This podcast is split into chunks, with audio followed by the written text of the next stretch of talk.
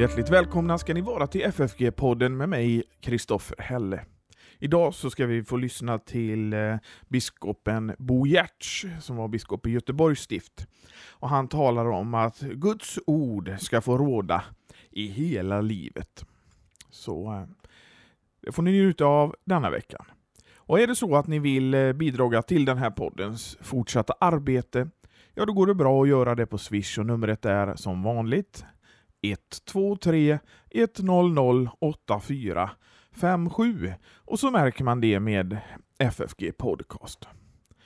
Och eh, är det så att ni gillar den här podden så får ni gärna gå in och eh, prenumerera och ge en fin recension på till exempel iTunes. Det är alltid uppskattat och det gör att vi kommer högre upp i sökstatistiken också. Så gör gärna det om ni kan och vill. Men nu så blir det Bo Giertz. God lyssning.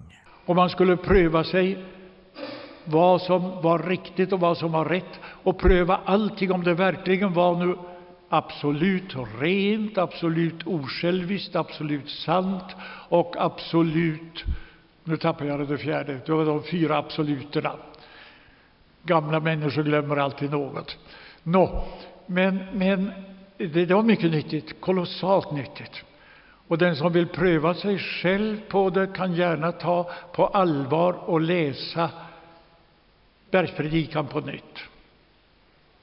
Det, och inte hitta på något sätt att krypa undan.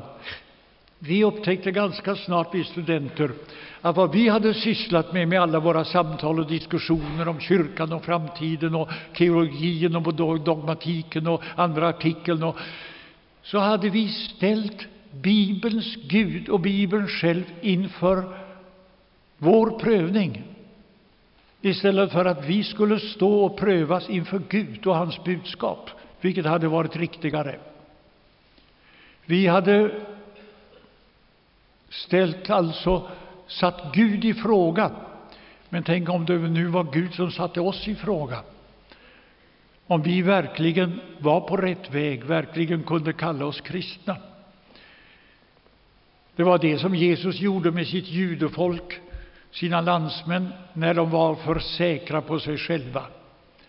En allvarlig rannsakan av den typ vi möter i bergspredikan och som passar så väl in på oss, också oss.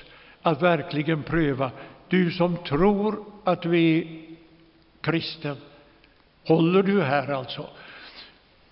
En viktig del av själasörjen i, i själavården bland grupprörelsen, det var sharing, att dela.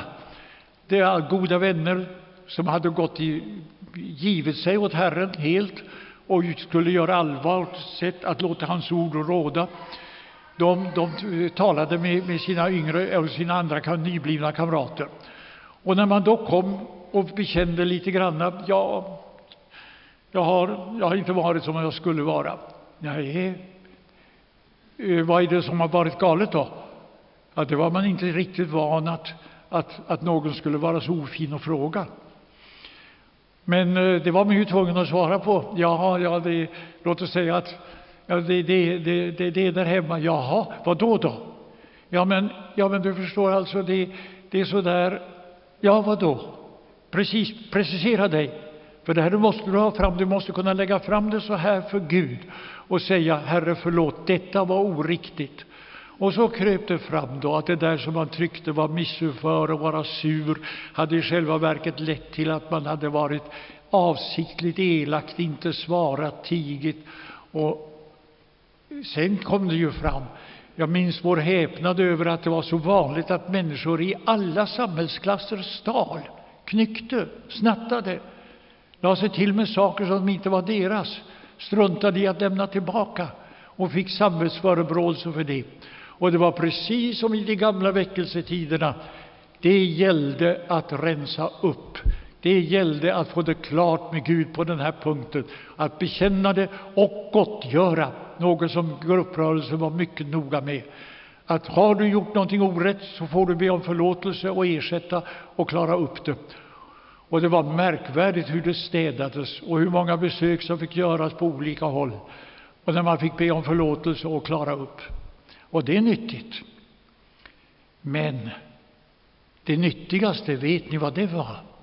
Det var det att när detta togs på allvar, då började man upptäcka någonting som man knappast hade anat i dessa fina akademiska bildade kretsar som kunde försvara sin kristendom så väl med goda argument. Man kunde upptäcka att man hade tagit för givet att lagen var till för att lydas och då skulle det naturligtvis gå. Men det gick inte. Man upptäckte sin gamla människa. Man upptäckte det där inom oss som icke kommer ifrån Gud, som den onde har satt dit. Den gamla inprogrammerade egoisten som sitter här inom mig och som gör att jag må vilja aldrig så mycket så kommer det att finnas kvar själva lusten till det onda som dyker upp ständigt på nytt. Oviljan att göra det som jag vet att min Herre Jesus vill att jag ska göra just nu mot den människan, i det här fallet, med uppoffring av det eller det. Vi fick en ganska välsignad ny, Jag, jag vågar kalla det en väckelse ibland den bildade ungdomen vid de där åren omkring 1930 och ett par år framåt. Och eh, det var mycket att glädja sig över.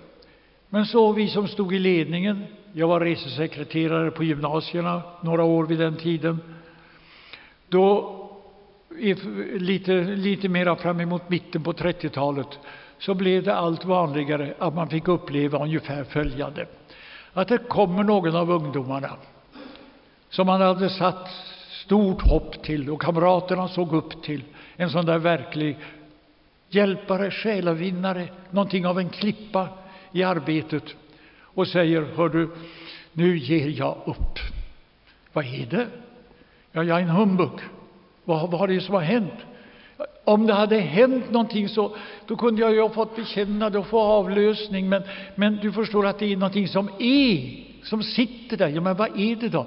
Ja, jag är så, och så kunde det komma. I den här typen ungefär av bekännelse.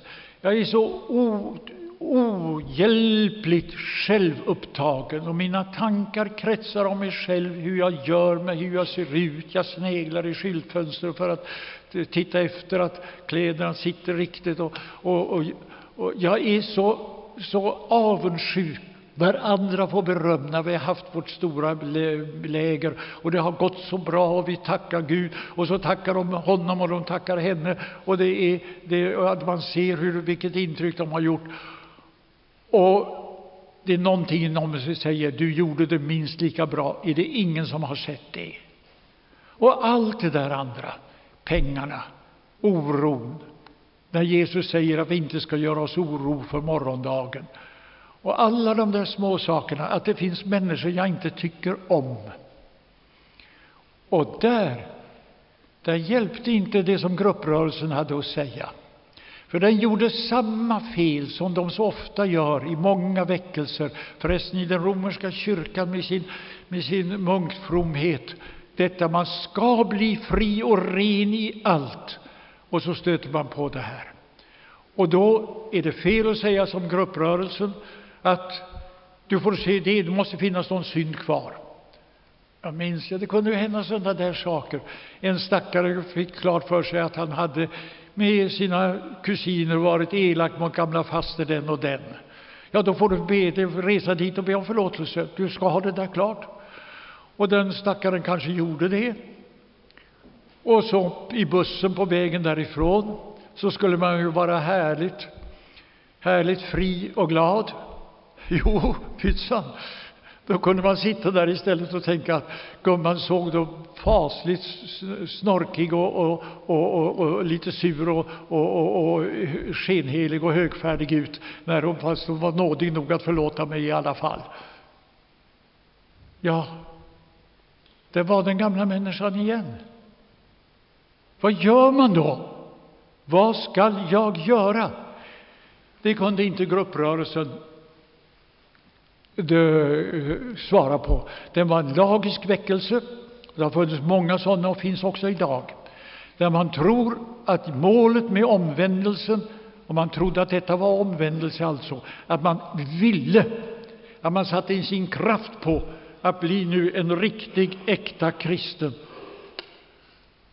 Och då måste det lyckas. Och så stöter man på den gamla människan, det inneboende syndafördärvet, som våra fäder kallade det. Fanns det något svar? Det svaret det mötte jag så småningom, till min glädje och min egen lycka, i de gamla väckelserna. Både den rosinianska, som kunde tala om detta, och var och en som har läst hans dagbetraktelser till exempel vet vad jag syftar på. Och kanske ännu klarare och bättre i fromheten på västkusten, den som hade utgått ifrån Schartau i Lund, den, denna gammalkyrklighet som finns också i, nere i Kronobergs län och i östra, små, östra Skåne och så vidare, som har betytt så mycket i vårt folk. I, och bland annat förklaras mycket utförligt och riktigt i, i läran om, tro, om eh, nådens ordning. Vi har den redan i katekesen. Men den lades stor vikt på att själavårdande läras åt konfirmanderna här i våra trakter. Och vad är svaret? Man kan sammanfatta det. Nu ska jag göra det med en, en finsk lutheran. Eh, liknande lutherska väckelser i Norge, i Danmark, i Finland har kommit fram till precis samma svar, och här kan man känna igen det. Men jag ska ge det så som jag hörde det under kriget uppe i Österbotten på ett nattåg, träbänkar, där jag satt mitt emot en gammal fingubbe, gråhårig, silverhårig, som jag visste var en ledare för den rotsalainska väckelsen i Savolax. Och han eh, Eh, jag kom i samspråk, bredvid mig satt en tvåspråkig professor, finsk-svensk, och han var min tolk. Och jag frågade honom och han berättade om allt möjligt. Och så kom jag just med denna fråga. Om det kommer en ung man till er och säger alltså att nu har jag försökt med allt, men vad ska jag göra? Jag blir inte en kristen, jag är en humbug, jag blir inte kvitt det här. Precis den här frågan. Vad skall jag göra? Vad svarar ni då?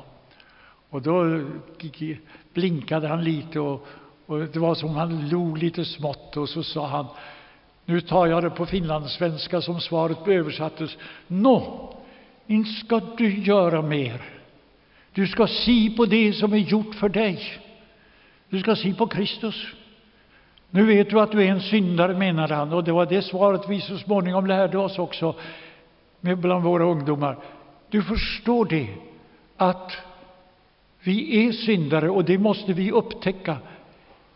Och det är en välsignad sak när en människa börjar bli så där ängslig för kan jag vara en kristen som har så mycket kvar av det?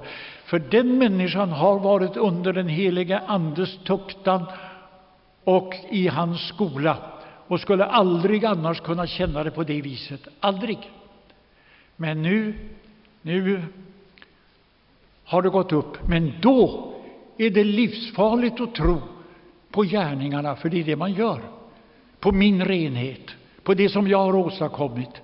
Vi måste se på Kristus, det som är gjort för oss. Ty, säger Paulus, att hade rättfärdighet kunnat vinnas genom lagen, hade du kunnat bli helig och ren alltså med alla dina ansträngningar och din trohet och dina böner, hade Kristus aldrig behövt dö på korset. Men nu har han gjort det därför att det finns något som vi aldrig kan gottgöra. Men hela vår skuld, stort och smått, har han tagit på sig. Och i sin väldiga försoningsgärning, när han var ute i mörkret för vår skull, för att vi aldrig skulle behöva gå dit, där har han sonat allt. Och var och en som tror på honom skall icke förgås, utan ärva evigt liv. Detta är kristendom. Och det är inte alla väckelserörelser som har kunnat göra det riktigt klart. Jo, i början, då har alla lätt att tro, för de tror att det är några småsaker som också jag, snälla ungdom eller hederliga gamla människa, inte har lyckats riktigt med, men det är nu, det är nu förlåtet.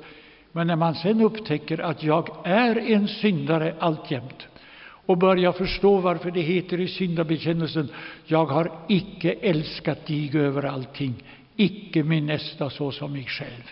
Och det kan jag upprepa var vecka, för så är det. Och det är då som man kan förstå vad evangelium är och hur underbart det är att vara döpt i Jesu Kristi namn. Jesus visste allt detta, just därför dog han. Just därför kunde han döpa dig och säga du får barn, du får vara med i mitt rike. Detta är att tro alltså. Och det, för min del har jag, har jag lärt mig det här på västkusten, även hos Rosenius och de som trodde. Det var en sån församling jag först tjänstgjorde som ung. Och främst är det frågan om att Guds ord är också evangelium. Och det måste råda i mitt liv så att jag kan tacka Jesus för detta och vara glad och lycklig. Då börjar man förstå vad det är Gud har gjort hittills. Det kan man läsa om i de gamla grundböckerna, förresten i 78 års katekes också, fast det är lite, lite abstrakt där och lite, lite lärt. De, det, vad sa de gamla lärarna om hur det börjar? Gud kallar. Han kallar oss till sig. Ordet når oss. Plötsligt, jag som inte har brytt mig allvarligt om det förut, jag upplever, ja men det här rör ju mig. Det här har betydelse för mig. Det här vill jag höra mera. Och man börjar på att lyssna. Och det kan komma en mycket stor glädje. Den där som de gamla kallade för kallelseglädjen, när en människa beslutar sig för att bli en lärjunge. Att inte lämna det här nu och gå tillbaka och låta det som om det aldrig hade hänt, utan nu ska det bli av.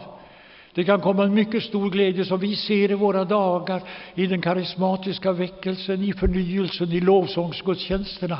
Underbart kan det vara, och många av oss har upplevt det. Men vad sa de gamle?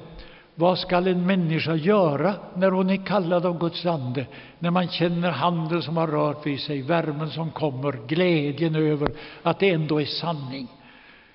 Vad ska man göra? Och det fick konfirmanderna lära sig. Flitigt bruka Guds ord och bönen. Det är inte det nödvändiga och mest angelägna att uppleva det där på nytt. Det kan man leva utan. Men man kan inte leva utan, ö, ö, ö, leva utan Kristus.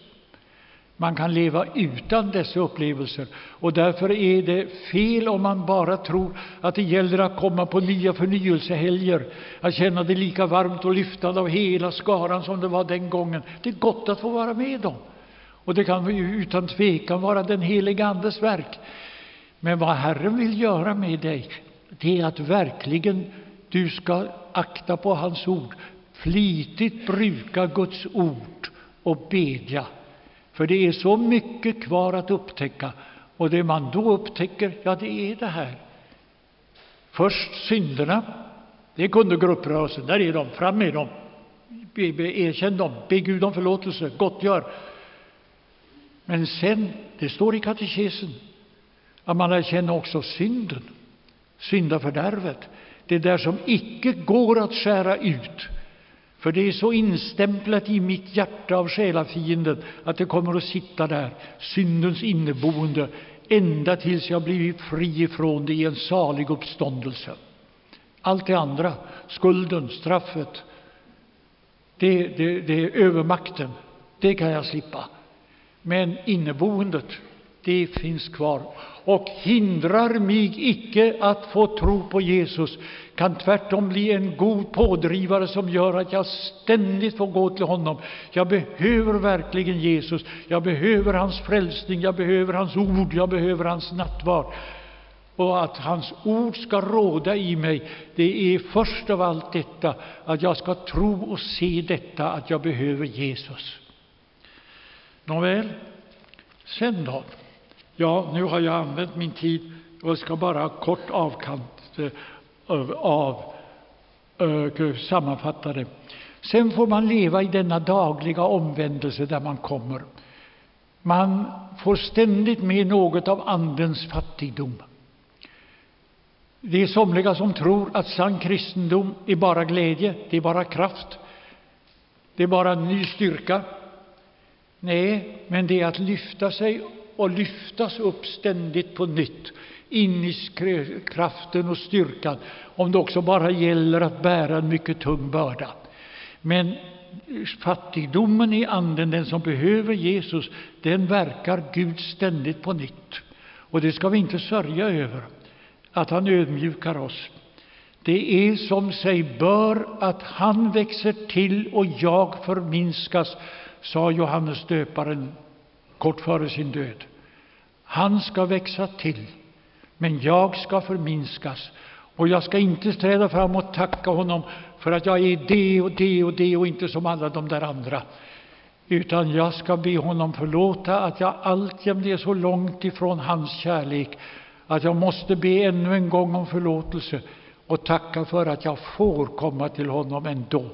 Och när det då lossnar, då, då kommer glädjen och kraften så mycket som han vill ge. Det som tar sig uttryck i lovsångerna. Men detta har plats i samma gudstjänst, syndabekännelse, avlösning och lovsång. Och vi ska inte tro att vi ska kunna börja fira nattvard utan skriftermål. Och det är en stor skada i vår styrka att man glömmer bort den ransakan och den syndabekännelse. Det är inte bara en bön man ska ha före nattvarden, utan verkligen lägga fram något på nytt, Herre. Detta borde icke ha varit så. Jag borde icke vara sådan. Herre, förbarma dig över din tjänare. Alltså, Gud, låt ditt ord i mitt liv få råda. Nu har vi kommit fram till det viktigaste, detta att verkligen kunna använda skriften rätt. Den är till för oss alla. Den är till för att läsas. Vi behöver den och den talar till oss. Och svaret på alla bibelkritikens många frågor till oss, det är inte lärda utläggningar. De är väldigt nyttiga och har väldigt mycket att säga. Det vet vi som har sysslat med dem. Men för den enkle kristen är det stora detta: Jag vet att Gud vill tala mig genom denna skrift sådan den ligger framför mig. Och jag vill gå till den med frågan, Herre, vad vill du mig? Det hade grupprörelsen alldeles rätt, bara att man inte bara ska fråga vad ska jag göra. Det är lika viktigt, nej, det är viktigare att veta vad han har gjort för mig. Vad har han gjort för mig? Ibland får man säga, stackars plågade själar, nu ska du inte längre stryka för allt det där som du ska göra. Nu ska du lova mig att läsa och stryka för allt som han har gjort för dig och alla löften och förstå att du kan få tro på dem även om du icke har lyckats med allt det där andra. För det är icke för dina lyckade gärlingars skull, icke för dina många segrars skull som du får vara med i Guds rike, utan det är för hans stora barmhärtighets, hans väldiga nådesverks, hans saliga uppståndelse, hans stora kärlek till dig. Därför får du vara med. Alltså, ett är nödvändigt, och det är den goda delen. Vad var nu det? Som Maria hade utvalt att sitta vid Jesu fötter och lyssna. Det är inte att stå upp och sjunga lovsånger, det är härligt, men det är inte det nödvändigaste, utan det är detta att kunna lyssna, att ta emot. Och det är nödvändigt för oss alla att få detta förhållande till Ordet. Sen kan vi få Andens gåvor, och det är en salig och god sak, men de är olika hos olika människor. En viss gåva är aldrig nödvändig för alla och kan aldrig finnas hos alla. Men däremot så kan vi bedja att jag också kanske får en gåva. Och då är det bäst att bedja, Herre, är det någonting som jag skulle kunna göra, någonting som brister mycket, så visa mig det. Och om jag duger till det, Herre, om du kan bruka mig, så låt det ske. Då brukar det visa sig vilken gåva det är som jag har fått. Men det som är nödvändigt för alla, det är den goda delen, att sitta ned vid Jesu fötter, vid ordet och lyssna. Och nu börjar vi förstå kanske innebörden i detta. Gud, låt ditt ord i mitt liv få råda, så att jag läser det på det rätta sättet i frälsningsavsikt, för att se vem Gud är, vad han vill med mig och vad han nu kan ha för uppgifter också. Kanske beredda gärningar som ligger framför mig idag, som jag inte borde försumma. Men det viktiga är att Gud får råda över mig, att jag inte sätter frågetecken för någonting annat än mig själv. Herre, jag följer dig rätt nu. Jag förstår dig väl rätt. Herre, hjälp mig. Låt ditt ord i mitt liv få råda. Ja, låt oss bedja.